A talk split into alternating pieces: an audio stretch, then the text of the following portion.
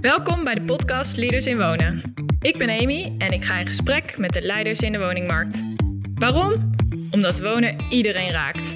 Veel thema's in de woningmarkt vragen om een oplossing. Daarom ga ik op zoek naar de antwoorden van de leiders. Bovendien wil ik deze mensen leren kennen. Wie zijn het eigenlijk en wat drijft ze? Deze podcast wordt mede mogelijk gemaakt door NAG, Calcasa en Hiargus. In deze eerste aflevering van Leaders in Wonen gaan we in gesprek met Arjan Vliegendhart. Voor we starten met het interview introduceer ik graag mijn gast. Arjan is opgegroeid in Amsterdam en studeerde politicologie. Hij startte zijn carrière bij de SP als hoofdredacteur van het tijdschrift Spanning en vervolgens ging hij werken als directeur van het wetenschappelijk bureau. Na zijn werk bij de SP promoveerde Arjan en gaf hij les aan de Vrije Universiteit als docent politicologie en internationale betrekkingen. Arjan zat van 2007 tot 2014 in de Eerste Kamer en ging vervolgens werken als wethouder werk, inkomen en participatie voor de gemeente Amsterdam. Hij schreef hierover het boek Onder Amsterdammers. De laatste twee jaar werkte hij als directeur van het Nibud. Ook bekleedt hij verschillende nevenfuncties. Zo is Arjan lid van de adviesraad van de Hogeschool van Amsterdam, lid van de bestuurlijke klankbordgroep Toeslagen van het ministerie van Financiën en lid van het dagelijks bestuur Stichting ter Bevordering van de Christelijke Pers. Arjan is 42 jaar en woont met zijn vrouw en drie kinderen in Amsterdam. In zijn vrije tijd is hij onder andere voetbaltrainer van het team van zijn dochter. Welkom, leuk om hier uh, vandaag samen te zijn bij Vondel CS. Ja, dankjewel. Ter introductie, kun jij iets vertellen over de financiën van de huishoudens in Nederland? Ja, kijk, wat wij, wij, wij doen onderzoek naar hoe gaan Nederlanders om met hun, eh, met, met, met, met hun geld. En wat je ziet is dat we vragen dat heel regelmatig uit. Van hoe, hoe gaat u nou om en kunt u goed rondkomen of niet? En dan zien we dat 2,6 miljoen huishoudens aangeeft dat ze het eerder moeilijk vinden om rond te komen dan makkelijk. Dus met heel veel Nederlanders gaat het eigenlijk goed. Maar er is ook een groot gedeelte van de bevolking die het best lastig vindt. En die elke, elke maand weer aan het puzzelen is. Uh, hoe je nou die inkomsten en die uitgaven zo bij elkaar brengt. Dat er aan het eind van de maand nog een beetje geld over is. In plaats van aan het eind van het geld nog een heel stuk maand te overbruggen is. Um, en dat doen we op tal van manieren. En daarnaast kijken we uh, naar uh, waar mensen dan hun geld aan uitgeven. Dus wat geven mensen nou uit aan wonen? Wat geven mensen uit aan boodschappen? Wat geven ze uit aan hun vrije tijd? En hoe verandert het nou met de tijd? Nou, dat is natuurlijk in deze tijden van corona natuurlijk extra uh, spannend om te, om, om, te mogen doen. En nog wel het nodige verschuift, zowel aan de inkomsten als aan de uitgavenkant.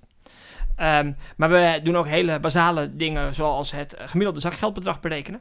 Dat is overigens ons best bekeken pagina uh, van de Nibud website, zowel de ouders als door kinderen. Dus eigenlijk de hele bandbreedte over ja, hoe gaat het met de portemonnee van de Nederlander. Daar doen we onderzoek naar en we informeren de Nederlander over hoe die dat nou een beetje goed kan doen, grip op zijn geld houden. En uh, je bent ruim twee jaar directeur nu bij het Nibud. Uh, kun je iets meer vertellen over de afgelopen twee jaar? Wat, wat heb je gezien in de onderzoeken die jullie gedaan hebben? Nou, wat je zag is, hè, ik, ik trad aan eigenlijk toen de economie volop draaide. Dus toen zagen we zo langzaam maar zeker dat steeds meer mensen net even iets meer in de portemonnee hadden. En dat ze ook net even iets makkelijker konden rondkomen. Dat is eigenlijk een, normaal, een normale trend. Uh, en toen we in uh, vorig, begin vorig jaar, dus in het begin van 2020, uh, de agenda klaarmaakten, dachten we, nou dan gaan we verder onderzoeken en dan gaan we kijken hoe de koopkracht, plusjes en minnetjes met elkaar gaat. Toen kwam corona. en ik denk dat dat echt wel een, een censuur is geweest in de afgelopen twee jaar. en daar zie je dus dat dat echt wel impact heeft. ik had het alle Nederlanders zijn geschrokken. Sommige Nederlanders, dat is gelukkig de grootste groep, die schrikt eigenlijk van hoeveel geld ze uitgaven in cafés en restaurants, waar ze het geld nu niet meer kwijt kunnen. Maar ook 1 op de 6 Nederlanders heeft te maken met inkomensverlies. Van gemiddeld zo'n, uh, van, van een derde van het inkomen. En dat zijn ZZP'ers, zelfstandigen, jongeren meer dan ouderen. En dat zijn mensen die nu interen op hun reserves, voor zover ze die hebben. Uh, en die zich ook echt wel zorgen maken over de toekomst. Uh, en die hopen dat het snel voorbij is, dat iedereen ingeënt is en dat de economie open gaat en dat ze weer aan het werk kunnen. Dus um, de eerste, het eerste anderhalf jaar ging het al over de vraag van uh, hoe gaat het nou met die economische hoogconjunctuur en wat betekent dat? En daarna is het natuurlijk eigenlijk heel veel over corona gegaan. En hoe zorgen we er nou voor dat uh, je een beetje je geld in die tijd had, hebt? En hoe zorg je ervoor dat mensen ook een beetje perspectief krijgen? Daar adviseren we ook over. Uh, om ja, ook door die coronatijd heen financieel te overleven. En je geeft aan, we zorgen ervoor dat er ook nog perspectief is. kun je iets meer vertellen over ja, de adviezen die jullie nu geven rondom uh, de coronacrisis? Jazeker. Kijk, wat we normaal gesproken doen is we geven op, op microniveau advies. En dat betekent dat we uh, advies geven over hoe je goed budgetteert, maar ook hoe je uh, kunt besparen. Dus regelmatig overstappen van energieleverancier en televisie, televisieprovider. Um, maar dat is natuurlijk in deze tijd eigenlijk niet genoeg. Zeker niet als je een, van, een derde van je inkomen verliest. Dus wij adviseren nu vooral op de richting van het ministerie van Sociale Zaken over hoe zorg je er nou voor dat um, die steunpakketten die nu er zijn en die een hele hoop mensen overeind houden, hoe zorg je er nou voor dat die ook blijven bestaan? En als straks de gezondheidscrisis misschien voorbij is en iedereen is geïngeënt, maar de economische crisis eigenlijk nog niet voorbij is, hoe hou je dat dan vol? Dus wij kijken nu toch ook veel meer ook naar het macro-perspectief. Uh, en dat betekent dat we niet alleen individuele burgers adviseren. Dat doen we ook met een website die gemiddeld 7 miljoen keer per jaar wordt geraadpleegd. Maar we kijken ook naar overheden en banken en verzekeraars bijvoorbeeld, die nu met betalingsachterstanden hebben, uh, te maken hebben. Hoe ga je daar nou op een goede manier mee om? Hoe kun je op een sociale manier incasseren? En hoe kan de overheid nou ervoor zorgen dat er iets in die portemonnee blijft? Uh, dus daar hebben we een deel van de focus ook echt op verlegd. Uh, omdat het in deze tijd niet alleen op individuele burgers aankomt om ervoor te zorgen dat ze de tering naar de nering zetten. Dat doen de meeste mensen wel. Maar ook uiteindelijk dat er in de, in de structuur en in de omgeving uh, genoeg blijft om, uh, om uit te kunnen geven. Dus dat zien, we ook, dat zien we ook schuiven. En dat denk ik ook weer een verschil tussen die eerste anderhalf jaar, waar, we, waar je misschien een heel deel uit kon komen met die microadviezen. En we nu voor een deel ook gewoon macroadvies moeten geven. Ja, hier wil ik uh, graag later verder uh, meer over weten. Um, ik ben uh, nog benieuwd in hoeverre verschilt de rol die je nu hebt van de tijd dat je werkte voor de Eerste Kamer en als wethouder van Amsterdam. Ik heb het, ik, altijd geleerd, de grootste verandering in het perspectief is het woordje nu. Als ik als wethouder zei, waarom heb ik dit nu niet? Dan bedoelde ik, waarom zat het gisteren niet bij mijn spullen die ik had moeten lezen voor vandaag? En als ik bij het Nibud zeg, wat is er nou nu aan de hand, dan betekent dat eigenlijk, we zijn bezig met een onderzoek en dat kan over drie weken ook klaar zijn. Dus het is, het is, uh, je hebt meer tijd, meer tijd voor reflectie. Dus je bent ook iets minder op je eigen reflexen aange, aangewezen. En dat is fijn. dat past ook weer een beetje in, in wat ik hiervoor deed, namelijk bij het wetenschappelijk bureau werken, op de universiteit werken. Ook daar gebeurt natuurlijk het nodige onderzoek. Dus die stiel heb ik voor een deel weer opgepakt. Maar dat, dat, dat geeft ook dat je wat minder dynamiek hebt dan, dan, dan in de Eerste Kamer, maar nog veel meer dan uh, als wethouder. Um, en uh, dat is meestal wel heel leuk, dat je even tijd hebt om na te denken. En soms, heel soms, dan mis je die adrenaline die er ook gewoon zit in dat politieke handwerk. Namelijk dat je in dat debat het goed moet doen. En het dan het, goede, het goede moet vertellen. Terwijl je nu dus als voordeel hebt dat je er even over na kan denken. Maar dat anderen met je advies aan de gang moeten gaan. Dat je dat op zich niet meer zelf aan de knoppen zit. En um, over je tijd in de politiek, wanneer wist je eigenlijk dat je werkzaam wilde zijn in de politiek? Ja, dat klinkt raar, maar daar ben ik uiteindelijk toch gewoon ingerold. Um, ik uh, ben zo rond, rond uh, de moord op Fortuin. Dat is voor mij altijd een belangrijk moment geweest in mijn politieke bewustwording. Uh, en de oorlog rond Irak. Dat zijn eigenlijk de twee grote momenten. Uh, toen studeerde ik. Dan ben je dus zo eind 10, begin 20. en dan, en dan, nou, dan kijk je naar de wereld rond en dan denk je, wat, wat gebeurt hier en wat wil je nou gaan doen? Ik studeerde ook politicologie, dus ik had ook wel interesse. en toen ben ik, langzaam maar zeker, ben ik toen gaan kijken, waar, waar voel ik me thuis? Waar hoor ik bij? Um, en ik voelde me altijd wel, wel vertrouwd met de SP, omdat het ook altijd een partij was die ook op straat uh, te vinden was. En dat vond, dat vond ik mooi. Dus eigenlijk, um, zoals het lijflied van de SP ooit zegt, het goede, uh, je woede hand in hand te laten gaan met het goede wat je doet. De woede over wat er is. Uh, of de bezorgdheid en de boosheid. Um, met ja, heel concreet dingen te proberen. Nou, dat, dat, daar ben ik op een gegeven moment ingerold. En het was in een tijd dat de SP nogal groeide. Dus op een gegeven moment ben ik gevraagd van... Goh, zou je nou niet in de Eerste Kamer willen? Um, en dat, dat, leek, dat leek me wel wat. Dus een compleet omgekeerde politieke carrière dan de meeste mensen hebben. Je begint namelijk uh, uh, waar, de, waar de meeste politici eindigen, namelijk in de Senaat. Uh, maar dat, dat beviel me goed, ook omdat het goed te combineren was met, met dat meer wetenschappelijke. wat, wat ik tegelijkertijd ook deed. Um, dus dat heb ik toen ook zeven jaar met heel veel plezier gedaan. En toen bij de verkiezingen in 2014 de SP hier in Amsterdam, wat mijn stad is, won. en op een gegeven moment er eigenlijk geen college meer mogelijk was zonder de SP heb ik samen met uh, Roger van Bokstel, die ik toen kende uit de, uh, uit de Eerste Kamer, die nu uh, topman is bij de NS, het Amsterdamse college toen van, van, van dat moment in elkaar mogen draaien. en toen het eenmaal stond, toen vroeg mijn partij, wil je nou ook blijven als wethouder? En, en dat heb ik met heel veel plezier gedaan.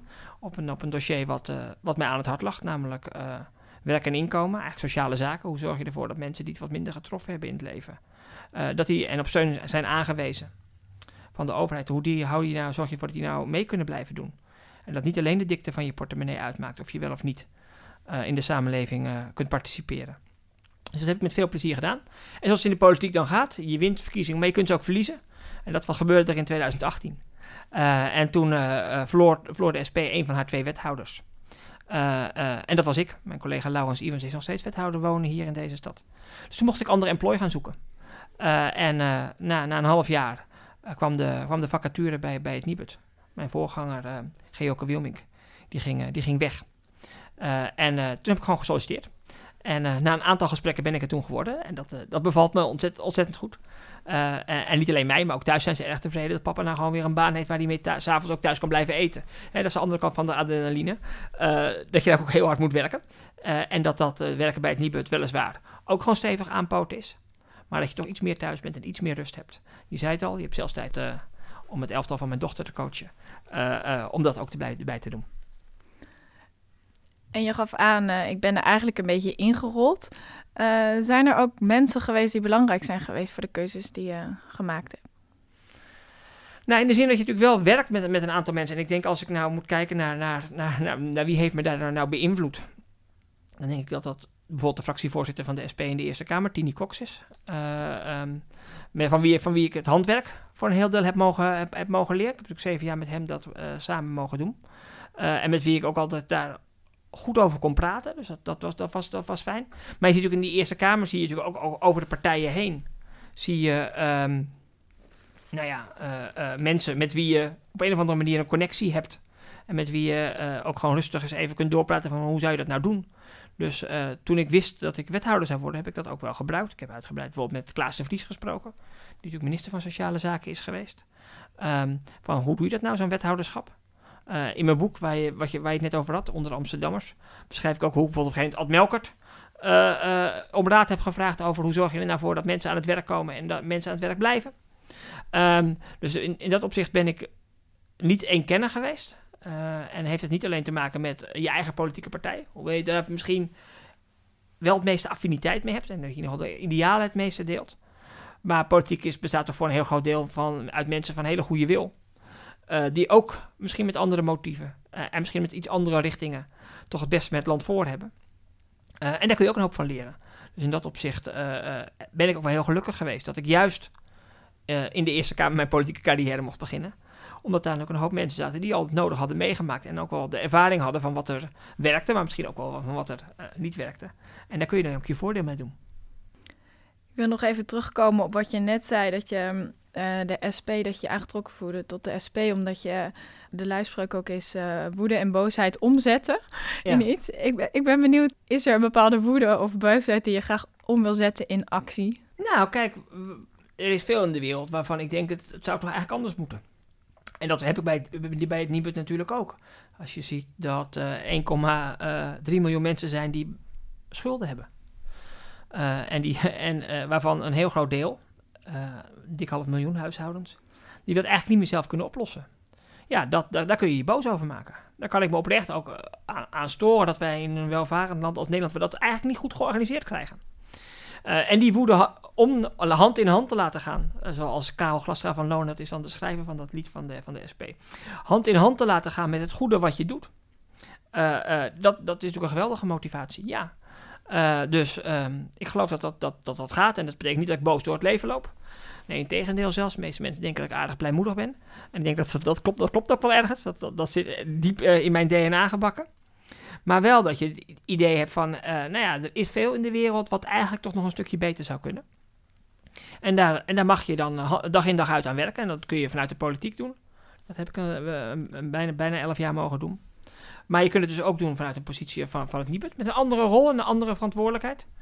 Um, maar wel degelijk met diezelfde vraagstukken. Namelijk hoe zorg je ervoor dat uh, mensen die het nu moeilijk hebben.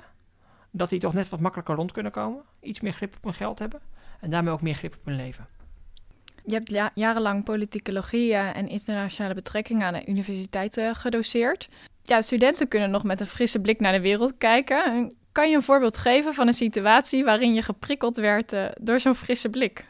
Ja, kijk, de grote grap is dat je, hoewel ik dan denk dat je nog jong bent, ik ben nu 42, uh, je, word je oud en je ziet een generatie achter, achter je aankomen. Ik was altijd ontzettend veel um, bewondering voor uh, de presentatievaardigheden van mijn studenten. Een van de dingen waar ik echt van altijd van dacht van, wauw, wat, wat kan die generatie toch eigenlijk van natuurlijk uh, een verhaal vertellen. Um, terwijl ik nog wel weet dat ik in mijn eerste jaren mijn peentjes zweten als ik dan uh, als ik ergens voor een groep moest staan. En misschien doen ze natuurlijk ook, hè, dan weten ze het beter te camoufleren dan ik dat deed. Uh, maar maar dat, dat, is iets. Uh, wat ik ook echt interessant vind in onze samenleving vandaag de dag. En dat zit natuurlijk ook voor een deel. Ik geef dit met geen les meer, wat je natuurlijk wel terugziet. Is die hele discussie rond de toekomst van onze aarde, de klimaatbeweging. En ik heb nu kinderen. De oudste zit in de, in de brugklas die daar ook langzaam zeker, uh, zullen we zeggen, in hun, ont, uh, in hun bewustzijn ontwaken. En die daar veel mee hebben. Of de discussie over racisme en discriminatie, dat is er ook eentje. En ik denk dat die jongere generatie houdt je op heel veel manieren houdt die, houdt die je scherp. En, en houdt die je bij de les. En als vader merk ik dan ook wel weer, die trekken je ook bij de les op het moment dat je het even niet wil horen. en dat is maar goed ook. want uiteindelijk is dat toch ook wel inderdaad, zoals je het zegt, een frisse blik die nog, uh, nou ja, die nog niet uh, misschien al te zeer uh, is met dat het allemaal moeilijk is. Maar vooral denkt van wat er kan. Nou ja, en je hoopt dat dat, dat, dat kind in je, dat dat ook bij heel veel volwassenen gewoon nog een beetje blijft. want dat is natuurlijk niet alleen aan leeftijd gebonden, hoewel het misschien makkelijker is als je jong bent. Maar uiteindelijk dat kind in ieder mens dat misschien wil spelen en dat de wereld wil veranderen. dat denk ik, dat, dat moet je elke dag weer proberen te zoeken. dan, dan, dan hou je het ook veel langer vol van de thema's uh, die uh, de jongere generatie bezighouden, wil ik uh, gaan naar de thema's in de woningmarkt. Mm Um, nou, dat is ook een thema wat heel veel jongeren natuurlijk heel erg bezighoudt. Ja, zeker. Absoluut. je noemde hem net niet bij, maar laten we daar zeker over verder praten.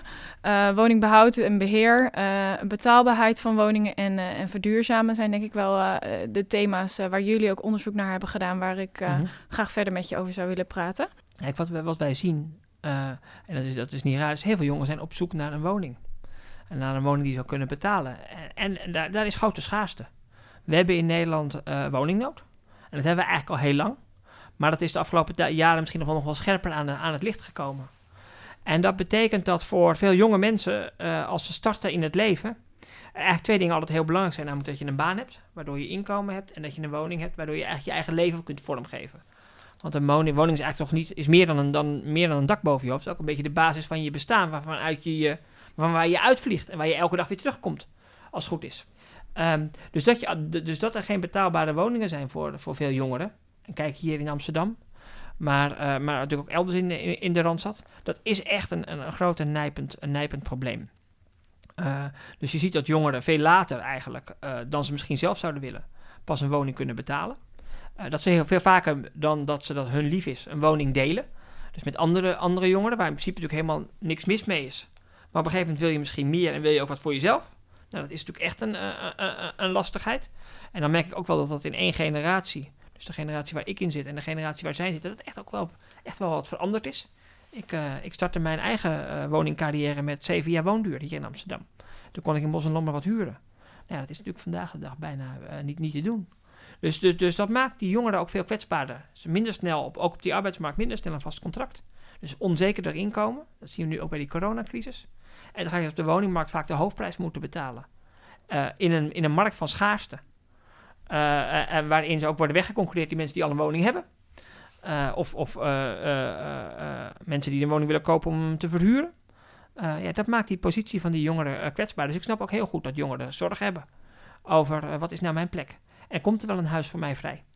Ja.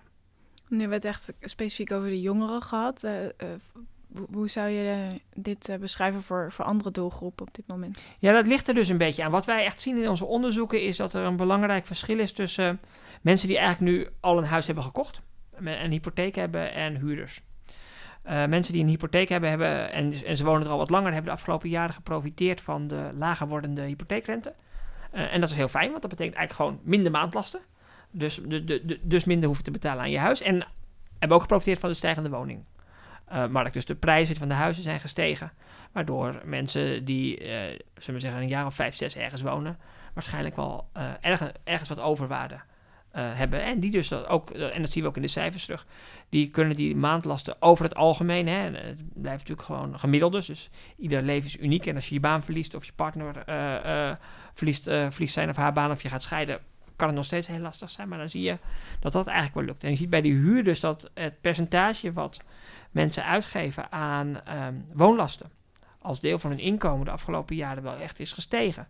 Dus je ziet echt een verschil tussen uh, koop en huur. Maar ook tussen insiders en outsiders. Mensen die al in die markt zitten, die al een woning hebben. Uh, en die dus die prijzen zien stijgen. En mensen die er voor het eerst in moeten komen. En dat zijn toch weer vaker dan, uh, dan andere groepen zijn dat jongeren. Voor wie het gewoon echt lastig is om, om die eerste woning te kunnen kopen. En die vaak ook gewoon zelf geld mee moeten nemen. Geld dat ze dan niet altijd bij elkaar kunnen sparen, omdat de huur die ze betalen relatief hoog is. Dus dat is een, eigenlijk een tweede, een tweede verschil. Dus we zien een duidelijk verschil tussen koop en huur. En we zien een duidelijk verschil tussen mensen die eigenlijk nu al een woning hebben en, woning, die, en mensen die op zoek zijn naar een woning. Waarbij je het beste op dit moment een, een, koopwoning kunt hebben. En die al wat langer kunt hebben. Want dan heb je eigenlijk de afgelopen jaren geprofiteerd van wat er op de woningmarkt is gebeurd. Maar andere groepen hebben daar ook gewoon last van. Wat ik ook nog wel interessant vind is uh, betaalbaarheid. Mhm. ik, ik, zag ook bij jullie een, uh, een, nieuwsbericht van hoe kunnen we het betaalbaar houden, een, een oproep daartoe. daartoe. Ja. Kun je daar iets meer over vertellen? Ja, kijk, we hebben anderhalf jaar geleden onderzoek gedaan naar met name huurders. En ik schrok er zelf ook echt van, maar dat is één op de vier huurders in Nederland betaalt een huur die eigenlijk te hoog is voor het inkomen dat dat huishouden heeft. Dus we berekenen over het algemeen wat is een een verantwoordelijke, verantwoorde uh, huur. In het licht van het feit dat je ook gewoon boodschappen moet kunnen doen en dat je ook uh, andere dingen moet kunnen betalen. En dan zeggen we dus dat eigenlijk één op de vier huurders een huur heeft die daarvoor te hoog is. en dat betekent heel concreet eigenlijk wel dat de mensen die die huur vaak gewoon wel betalen. Maar dat ze allerlei andere dingen lopen te bezuinigen. En dat kan variëren. Dat kan zijn dat ze wat minder ver en wat minder lang op vakantie gaan. Nou, dan dan is de impact misschien niet zo groot. Maar je hebt ook echt mensen die dermate knel zitten, dat ze ook gewoon op de eerste levensbehoeften gaan bezuinigen. Om die huur maar te kunnen betalen. Want we weten wel heel goed dat die huur een van de laatste dingen is die mensen stoppen met betalen. Omdat ze ontzettend goed weten hoe lastig het is als je daar eenmaal een achterstand op hebt. Om dan nou ja, iets anders te vinden. Laat staan iets te vinden wat goedkoper is. Dus uh, daar hebben we echt de noodklok over geluid. Uh, en een van de dingen waar we toch echt voor pleiten, en dat zie je ook een beetje in de, in, in de politiek uh, wel weer terugkomen, is dat dat betaalbaarheidsidee veel centraler moet staan. Kijk, woningbouwcorporaties en, en, de, en, en de politiek hebben een aantal belangrijke opgaven, namelijk ze moeten nieuwe woningen bouwen, want er is gewoon nog een woningtekort. Er is een grote opgave om te verduurzamen. Dus ook naar de toekomst toe, met, met, met hele goede redenen. Maar als je echt inzet op nieuw bouwen en verduurzamen, dan zou zomaar de betaalbaarheid het kind van de rekening kunnen zijn. En daar hebben we voor gewaarschuwd. Uh, en dan zie je natuurlijk nu de eerste veranderingen. De, uh, de, er, is huurverlaging gekomen. Minister Ollongren heeft dat geregeld. Complimenten daarvoor. Voor mensen die echt een laag inkomen hebben en een hele hoge huur. De huren zijn bevroren. Dus ze mogen volgend jaar niet verhoogd worden. Volgens mij is dat ook een, een, een, een uitkomst die in ieder geval in de lijn ligt met datgene wat we bij het Nibud hebben, hebben, hebben geconcludeerd. En misschien hebben, hebben, hebben onze rapporten ook wel een beetje toe bijgedragen. Um, maar dat is wel iets waar, waar, waar, waar, waar we zorgen over hebben. Want dat is niet van vandaag op morgen weg. Die groep is te groot. En het is niet alleen een, een probleem van de huur of de hypotheek. Het is voor heel veel mensen ook gewoon een probleem met het inkomen. Dat inkomen te laag is. En het gesprek over de bestaanszekerheid in Nederland wordt natuurlijk wel veel breder gevoerd. Uh, en dat zie, je, dat zie je dus eigenlijk in die, in, die, in, die, in, die, in die huizenmarkt dan weer terugkomen. Want ergens moet dat, moeten, moeten mensen bezuinigen. Uh, en dat doen ze vaak niet op de woning, omdat ze dat een heel belangrijk iets vinden. Maar als mensen eenmaal knel komen te zitten en schulden lopen op, dan, dan, dan gaat het ook dat moment dat op een gegeven moment die woning ook niet meer te betalen is, komt dan ook. Dus dat wil je graag voor zijn. en daar hebben we dus een aantal voorstellen voor gedaan. Die eigenlijk als, als, als, als, als rode draad hebben. Kijk nou nog beter naar wat iemand daadwerkelijk kan betalen. En voor zover je uh, huren wilt reguleren, organiseer dat ook. Dat die, dat die huizen er dan zijn. Uh, en dat is natuurlijk ontzettend moeilijk, want ga maar eens zoeken. Dan, dan, zijn er, dan zijn er wel huizen, maar die zijn dan vaak gewoon voor heel veel groepen veel te duur. En als we het nu hebben over beheer van hypotheken, hoe belangrijk is dat nu voor hypotheekverstrekkers en adviseurs om dat echt ja, al te bekijken Mhm. bij, bij eh, klanten. Nou, kijk, er zijn eigenlijk twee momenten waarop dat natuurlijk ontzettend belangrijk is. En, en beide, en op beide momenten heeft het niet, speelt het niet meer een rol. Allereerst als mensen een hypotheek afsluiten. Eh, eh, en dan, dan kijk je van wat kan iemand op een verantwoorde manier lenen. En dan heb je in Nederland hypotheeknormen eh, eh, voor. Die, eh, die, die maken wij. Die geven als advies aan het ministerie van Financiën. En we zien de afgelopen jaren dat het ministerie van Financiën samen met, met wonen dat eigenlijk één op één overneemt. En die zijn eh, gebaseerd op het feit dat mensen als ze een huis kopen dat vaak voor een hele lange periode doen. En misschien dat de rente nu wel laag is, maar de rente over een paar jaar best. Hè, wat, wat naar beneden kon, kan ook, ook ooit ook weer omhoog. En dan moet je huis ook betaalbaar blijven. Dus daar kijken we altijd naar van hoe kunnen we dat nou op een goede manier doen. En dan krijgen we altijd van twee kanten kritiek. Aan de ene kant de AFM en de DNB, die zeggen eh, als die leennormen weer wat, wat ruimer zijn, dan zeggen ze ja, dat leidt dan tot eh, eh, prijsopdrijvend effect. Dus die moeten wat krapper. En aan de andere kant mensen die huren en zeggen ik mag wel 1400 euro huur betalen voor mijn woning, maar voor 900 euro mag ik hem niet kopen. Dus van beide kanten krijg, is dat, is dat, is dat, wordt, wordt erover gediscussieerd en wij zitten daar ergens in het midden. Daar voel ik me ook wel, daar voel ik, daar voel ik me prettig, daar voel ik me prettig bij. Als je van beide kanten geslagen wordt, klinkt natuurlijk een beetje, een beetje, een beetje, vreed. Maar als je links en rechts een klap krijgt, dan sta je over het algemeen wel goed. Ehm, dus dat is een, een, belangrijk moment. Als je het huis koopt, dat je een huis koopt wat je, waarvan je weet, het gaat niet alleen om de hypotheek nu, maar ook om de hypotheek straks. Nou, en dat doen we met onze, met onze leennormen. En het tweede element, dat heeft met, met de coronacrisis te maken. Daar hadden we het eh, zojuist al over. Dat je ziet als je inkomen wegvalt, ja, eh, dat, ehm, dat een hypotheekverstrekker eh, er ook vanuit zijn eigen welbegrepen eigen belang baat bij heeft om dat snel te weten en ook te kijken wat er dan wel kan en wat er mogelijk is. En een van de dingen die we ook bij de, bij de start van de coronacrisis hebben aangegeven, is dat het denk ik heel belangrijk is dat banken eh, die, die hypotheken uitzetten, maar ook woningbouwcorporaties eh, overigens, actief op zoek gaan naar mensen die op dit moment eh eigenlijk die klap te pakken krijgen. En die vaak heel lang zelf blijven worstelen met, eh, met hun eh, financiële sores voordat ze hulp gaan zoeken. Eh, en dat je dan op dat moment ook gaat zoeken naar van wat, wat er dan kan. Nou ja, en ik moet eerlijk zeggen dat dat de afgelopen tijd gewoon echt wel heel goed is gegaan. Je ziet dat banken en verzekeraars eh, eh, eh, wat meer coulance hebben. Eh, ook wat meer op zoek zijn naar eh, hoe kunnen we er nou voor zorgen dat iemand in zijn huis kan blijven.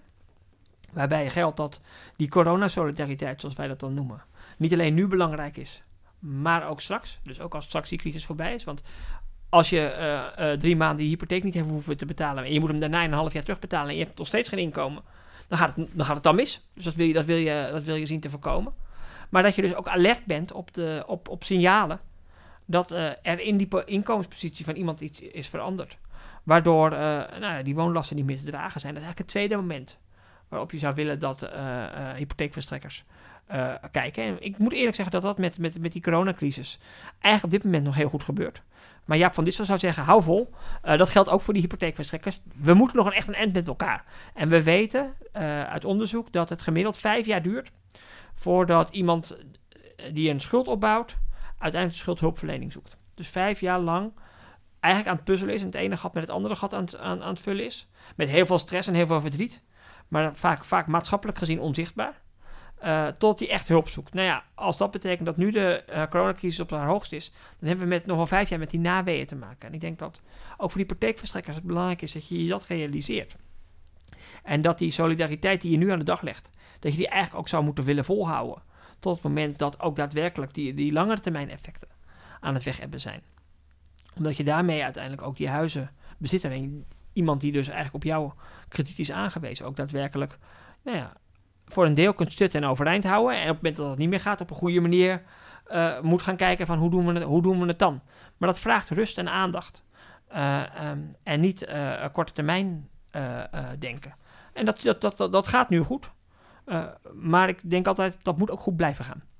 Iets meer over, over je eigen achtergrond. Mhm. In wat voor soort omgeving ben je zelf opgegroeid? Eh, je zei al, de woning is je basis van je bestaan. Kan je, kan je iets vertellen Ja. over eh, hoe je zelf bent opgegroeid? Ik, ik, ben, ik ben domineeszoon. Dat betekent dat niet alleen dat mijn vader predikant was, maar ook dat we eens in de zoveel jaar verhuisden. Dus ik ben, eh, ik ben geboren eh, in Hierdegewaard. Dat is net boven, boven Alkmaar. Daar heb ik niet zoveel herinnering aan, want toen we eh, een half jaar waren, verhuisden we. Toen verhuisden we naar Oude Water. Dat is een, een, een, sta- een stadje in het Groene Hart. Daar, daar, woonden we in een, in een keurige pastorie. Mijn ouders hebben altijd gehuurd. Dat is ook een van de elementen. Mijn, wij woonden altijd in een, in een huurwoning. En toen we zes waren, en ik denk dat dat wel belangrijk is, verhuisden we naar de Bijlmer. Dus, uh, en dat is de, de Bijlmer van de jaren tachtig. De Bijlmer waar Murat Izik dat prachtige boek Wees Onzichtbaar over heeft geschreven. Uh, wat aan de ene kant geweldig ruim en groen was. Maar als je ging voetballen en je schoot bal in de bosjes, altijd moest kijken of je ook niet een drugsnaald vond. en het, het was een, een heel gekleurde wijk. Dus op de, op de basisschool hadden echt heel veel verschillende nationaliteiten. Waar, waar, waar, waarmee ik in aanraking ben gekomen. en dat was ontzettend. Dat was voor een deel echt ontzettend fijn opgroeien. Maar toen ik, toen ik tiener werd, zag je ook wel de andere kant. Dus ik ben eens een keer van mijn fiets beroofd. het was toch dat je s'avonds echt moest uitkijken als je nog over straat ging. Um, en dat, daar was de lol op een gegeven moment wel vanaf. En toen, dat viel samen met het feit dat het gezin van ons verhuisde naar Landsmeer. Dat is net boven Amsterdam. Dat is weer een veel rustiger dorp. Daar heb ik mijn tienerjaren heb ik daar, heb ik daar doorgebracht. Toen heb ik nog een tijdje anti-kraak gewoond. In de pijp. Uh, en uh, toen ben ik uiteindelijk met, met mijn zeven jaar woonduur, ik zei het zojuist al tegen je, gaan huren in, in, in, in, in Bosselommer. op een gegeven moment is mijn vriendin, mijn huidige partner, erbij gekomen. En kwam onze, kwam onze dochter, onze eerste dochter. Um, en toen zijn we verhuisd en toen heb ik voor het eerst een woning gekocht. op, op het Bosselommerplein. Dat was 800 meter ongeveer van de woning van waar we zaten. Dus de wooncarrière bleef, bleef geografisch gezien allemaal erg beperkt. En toen kwam nummer, kwam nummer 2, toen kwam nummer 3. En toen zijn we uh, in 2015 zijn wij toen van, Bossel, van weer 800 meter westwaarts verhuisd naar Slotermeer. En daar wonen, daar wonen wij nog steeds. in een woning waarvan ik al vriend zeg, toen konden we hem net betalen. Maar als je kijkt naar wat er de afgelopen jaar is gebeurd. Als ik hem nu zou moeten kopen, zou ik het volgens mij niet eens meer kunnen financieren. Dus uh, wat dat betreft heb ik ook gewoon de mazzel gehad dat ik op het juiste moment uh, uh, die woning, dat we die woning hebben gekocht. En daar wonen we op dit moment met heel veel, met heel veel plezier in, een, in de westelijke tuinsteden. die, die, die net na de Tweede Wereldoorlog als eerste nieuwbouwproject zijn aangelicht vanuit het principe van licht, lucht en ruimte van Van Eesteren. Uh, en dat is een hele plek, een prettige plek om te wonen. En ik denk ook een hele prettige plek voor mijn kinderen om op te, op te groeien. En kun je iets meer vertellen over de normen en waarden die je van thuis uit, huis uit hebt meegekregen? Ja, um, kijk, als, als, als, als, als domineeskind heb je natuurlijk altijd krijg je sowieso met de paplepel, we zeggen, het, het, geloof voor een deel met je mee. Maar mijn ouders waren ook wel heel praktisch van, van aard die vonden ook wel dat het handen en voeten moest krijgen. En een van de dingen die ik me nog echt wel herinner is dat ze dan met kerst en met Pasen uh, heel vroeg uh, naar de metrostations gingen, naar de mensen die moesten werken. En daar kregen, die kregen dan koffie en, koek van, u moet vandaag werken, terwijl het eigenlijk toch een, feestdag is. Uh, um, dus dat waren dat soort mensen. En, in de, en, zeker in de Bijlmer, dat, dat is voor een deel toch echt mijn vormende, vormende tijd geweest. Maar er ook gewoon veel armoede was. En ook veel, echt veel maatschappelijke problematiek waren mijn ouders eigenlijk al heel erg actief. Ze waren actief in wat dan toen heette de Bijlmerduif, als een opvangcentrum voor dak- en thuislozen. Dat was dan meestal de, de middag van, de, van kerst en, en, en Pasen, dat, dat, we daar dan, dat we daar dan zaten. Uh, dus daar leerde je dan de zelfkant van de samenleving, die zag je dan ook wel. En ik weet ook wel dat we dat, dat nou, uh, één ding dat we, we dan nog bij zaten, we, gingen, we schaakten. Want dat deed ik dan zelf met, met, met mensen die dan op straat leefden. Uh, en die dat vaak ook heel leuk vonden. En die er misschien niet eens zozeer voor het schaken waren, maar wel voor de koffie en de, warmte. Um, dus dat, dat, heb ik wel, dat heb ik wel erg meegekregen. En in die zin is, natuurlijk, is mijn politieke keuze daar ook wel min of meer door gevoed. Uh, uh, door, mijn ouders. Um, dat het niet alleen ging om, om vrome praat. die hadden we thuis ook. Maar ook gewoon dat die vrome praat omgezet werd in, in, in, in iets doen voor, voor, voor, je, voor, je, voor je medemens. Ja, en um, hoe doe je dat? Ja, dat kun je volgens mij op heel veel manieren, dat kun je op heel veel manieren doen. Dat kun je heel groot doen. Dat is natuurlijk in de politiek gaat het vaak om hele grote dingen. Um, hoewel in, Am in Amsterdamse politiek gaat het alweer een heel stuk om heel stuk kleinere dingen. Dan gaat het om de vraag, een van de dingen van hoe gaan we om met mensen die in de bijstand zitten. Uh, bejegen je die nou met het idee van Rutger Brechtman, dat de meeste mensen deugen?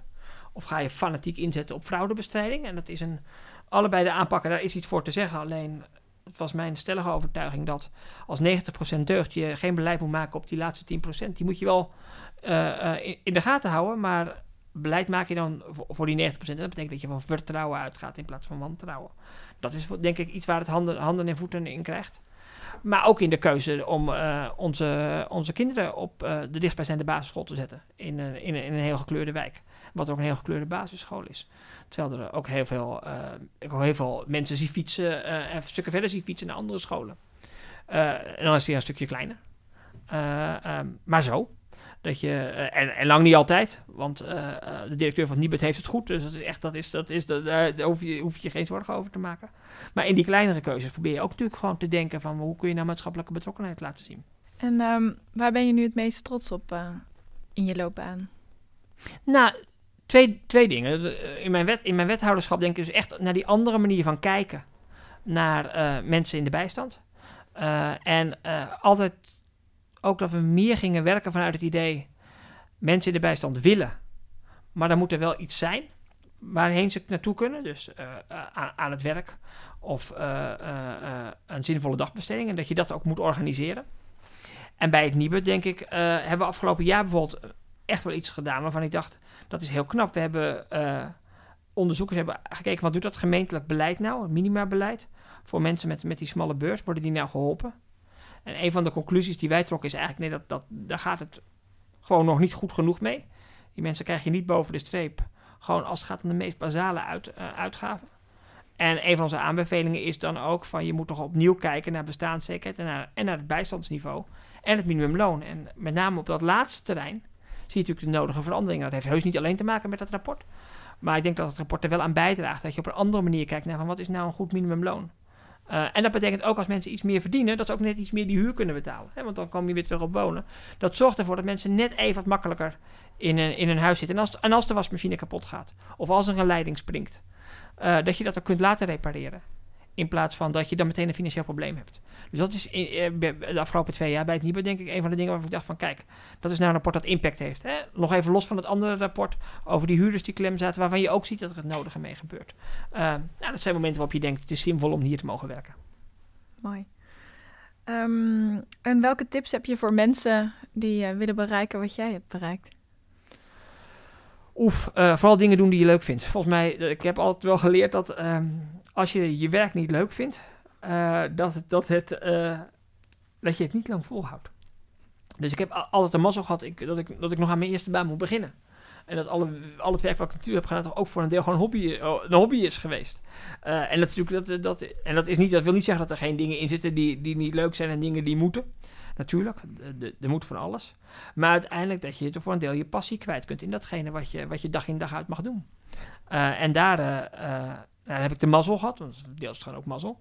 Maar dat zou ik iedereen wel gunnen. Zoek daarin ook iets van uh, waar je ook gewoon inhoudelijk je ei kwijt, inhoudelijk je ei kwijt kunt. dan, dan hou je het langer vol en ben je vaak ook gewoon effectiever. Um, dat heb, dat heb ik gemerkt als wethouder. Dat was, een, was iets wat, wat, wat dicht, bij, dicht bij mijn hart lag. Maar dat merk ik ook bij mijn huidige werk. En dat merk ik ook bij de collega's bij het Nibud. Dat het allemaal mensen zijn die toch wel op een bepaalde manier passie hebben voor die huisportemonnee. En dan met name passie hebben voor een huisportemonnee van mensen die niet zo gevuld is. En die veel meer moeten puzzelen dan anderen. Om rond te kunnen komen. Uh, en in zo'n omgeving te mogen werken, dat is, dat, dat, is, dat is een groot voorrecht. En um, ik ben nog wel benieuwd uh, hoe je de verhouding werk-privé uh, thuis organiseert. En of dat op, voor iedereen werkt op die manier. Ja, slecht, denk ik. Er komt, komt altijd heel veel op mijn, op mijn partner terecht. Hoewel dat bij het Nibud weer minder is dan, bij, dan, dan wethouder in Amsterdam. Um, en in deze coronatijd is het grote voordeel dat ik wel heel veel reistijd bespaar. Dus dat, dat, dat, dat, maakt ook weer dat je voor dat je je agenda zich weer wat makkelijker, wat makkelijker voegt. Maar ik ben um, ook toen ik wethouder was en ook als directeur van het altijd gewoon één dag in de week thuis geweest. En dan, de, dan, dan, dan deed ik de hele dag. En dat ik eigenlijk altijd ook wel drie dagen in de week de kinderen s ochtends naar school toebracht. Um, en dat zijn dingen die, die zijn heel normaal. Hè? Dus de, de, grote grap, ik weet nog wel dat ik ook als wethouder op een gegeven moment een keer naar huis moest voor een ziek kind. En dat iedereen dacht, wat is dat nou voor een, geweldige vader? Terwijl als een moeder dat doet, dat compleet normaal wordt gevonden. Dus in dat opzicht heb je dan het voorrecht dat je man bent. Want dan wordt er toch op een andere manier naar je gekeken dan, dan, dan, dan, dan als vrouw. Um, maar hebben we het altijd wel geprobeerd om het zo te organiseren dat... Uh, dat, dat ik ook mijn deel mag dragen. En ook gewoon mijn deel moet dragen van, van, van, van, van het thuiswerk. Uh, en, dat is ook, en dat is ook heel fijn. Dat merk ik de afgelopen maanden dan weer extra. Um, juist in die coronatijd met dat thuisonderwijs. Dat je ook op een andere manier je kinderen leert kennen. Uh, en, dat, en dat heel leuk is. Voor een heel deel krijg je voor mij extra bewondering voor al die juffen en meesters die dat, die dat doen. Maar ook wel weer, je krijgt ook iets meer inzicht in, in hoe je kind leert en hoe je kind acteert. Als het goed gaat en ook als het minder gaat. Uh, dus met die worsteling, dat is toch eigenlijk ook wel weer een, een, een als je er even op terugkijkt. En niet, niet, niet als je s ochtends weer uh, met een onwillig kind aan, aan, aan het thuisonderwijs moet beginnen. Maar als je er terugkijkt, misschien krijgt dat dan nog wel een gouden kleur. Dat je denkt van dit heb ik toch wel mee mogen maken. Ja. En um, hoe zorg je dat je mentaal en fysiek uh, fit blijft? Nou, voor mij geldt dat ik, dat ik vier keer in de week probeer hard te lopen. Uh, en dat doe ik uh, met verschillende vrienden van me. Dus dat is ook meteen een vorm van therapie. dan praat je namelijk even over, over wat je meemaakt op je werk. En dat, is een geweldige, dat is een geweldige uitlaatklep. Dus het gaat niet alleen om het tempo, het gaat ook om het feit dat je gewoon onder, onderweg met elkaar bent geweest. dus dat, dat vind ik fijn. En ik heb, je zei het al, ik train dan het, het elftal van mijn, van mijn jongste dochter. Dat is ook een geweldige manier, omdat er natuurlijk gewoon daar heel veel uh, lol en, en, en, en vreugde op dat veld rond, uh, loopt, rondloopt. In de vorm van, uh, van een aantal meiden die zo rond de 10, 11 zijn. En die dat gewoon echt leuk vinden om, om, om een balletje te trappen. En allemaal misschien nog wel stiekem de ambitie hebben om ooit een keer in Ajax 1 te eindigen. Waarbij je dan afvraagt of het allemaal lukt. Maar daar zit toch een hele hoop, hele hoop pret in. En ook dat is een geweldige manier om even van de hele andere van een hele andere, met een hele andere wereldkennis te maken dan waar je uh, je in je dagelijks leven mee bezighoudt. Ja. Uh, ik ben heel erg benieuwd of je zelf uh, een leider hebt of iemand die echt een voorbeeld voor je is. Nou, niet, niet zo eentje die gedestilleerd is waarvan je zegt van dat, dat, dat, dat, dat is hem. Nee, ik heb denk ik het, het voordeel gehad dat ik met, met, met, met verschillende mensen heb mogen werken waar, waar ik dan ook wel het nodige van, van, van, van, van, van, van heb mogen zien. Ik, ik heb twee jaar in Berlijn gestudeerd en daar ben ik heel nauw opgetrokken met een, uh, een jongerenwerker, Burkhard Zimmerman heette die. Uh, en daar heb ik ook het nodige van, van geleerd. Uh, zeer geëngageerd met, met, met de samenleving en ook volledig relaxed en autonoom en zichzelf compleet bewust van, dat vond ik wel heel mooi, dat hij zoveel ouder was dan die jongeren, dat hij niet, naar, dat hij niet die jongeren moest nadoen, maar dat hij vooral zichzelf moest blijven. Nou, dat is natuurlijk een, een les die, die je op tal van manieren kunt, kunt, kunt, kunt doen. Ik noemde de naam van Tini Cox die, uh, met wie ik in de Eerste Kamer heb, uh, heb mogen, met mogen werken. Maar bijvoorbeeld ook uh, Eberhard van der Laan, die, die, die, natuurlijk burgemeester was in het, in het college waarin ik zat, maar ook een collega als Erik van den Burg, met wie ik op tal van manieren samen heb kunnen werken. Dus het is, je verzamelt zo door het leven heen mensen waarvan je, waarvan je, waar je een bepaald respect en bewondering voor hebt en waar je misschien ook de kunsten af en toe een beetje van af mag kijken. Um, ik zou willen vragen, um, ja, ben ik nog iets vergeten waarvan je zegt dat zou ik toch nog graag uh, willen vertellen? Ja, misschien nog één ding over die verduurzaming van die woningen. Want dat is natuurlijk dat een van de dingen ja. wat, die, die, die wel echt ontzettend belangrijk zijn. Um, een van de zorgen die ik daar echt wel op heb is dat die verduurzaming ook voor het draagvlak en het maatschappelijk draagvlak betaalbaar moet zijn voor mensen wie het betreft. Het blijft mij altijd verwonderen dat het met name uh, wijken zijn die geen voorstandswijk zijn, die als eerste van het gas af moeten. Simpelweg omdat daar woningbouw, grote woningbouwcorporaties zitten die een groot deel van die huizen in bezit hebben. En waardoor het makkelijker zaken doen is.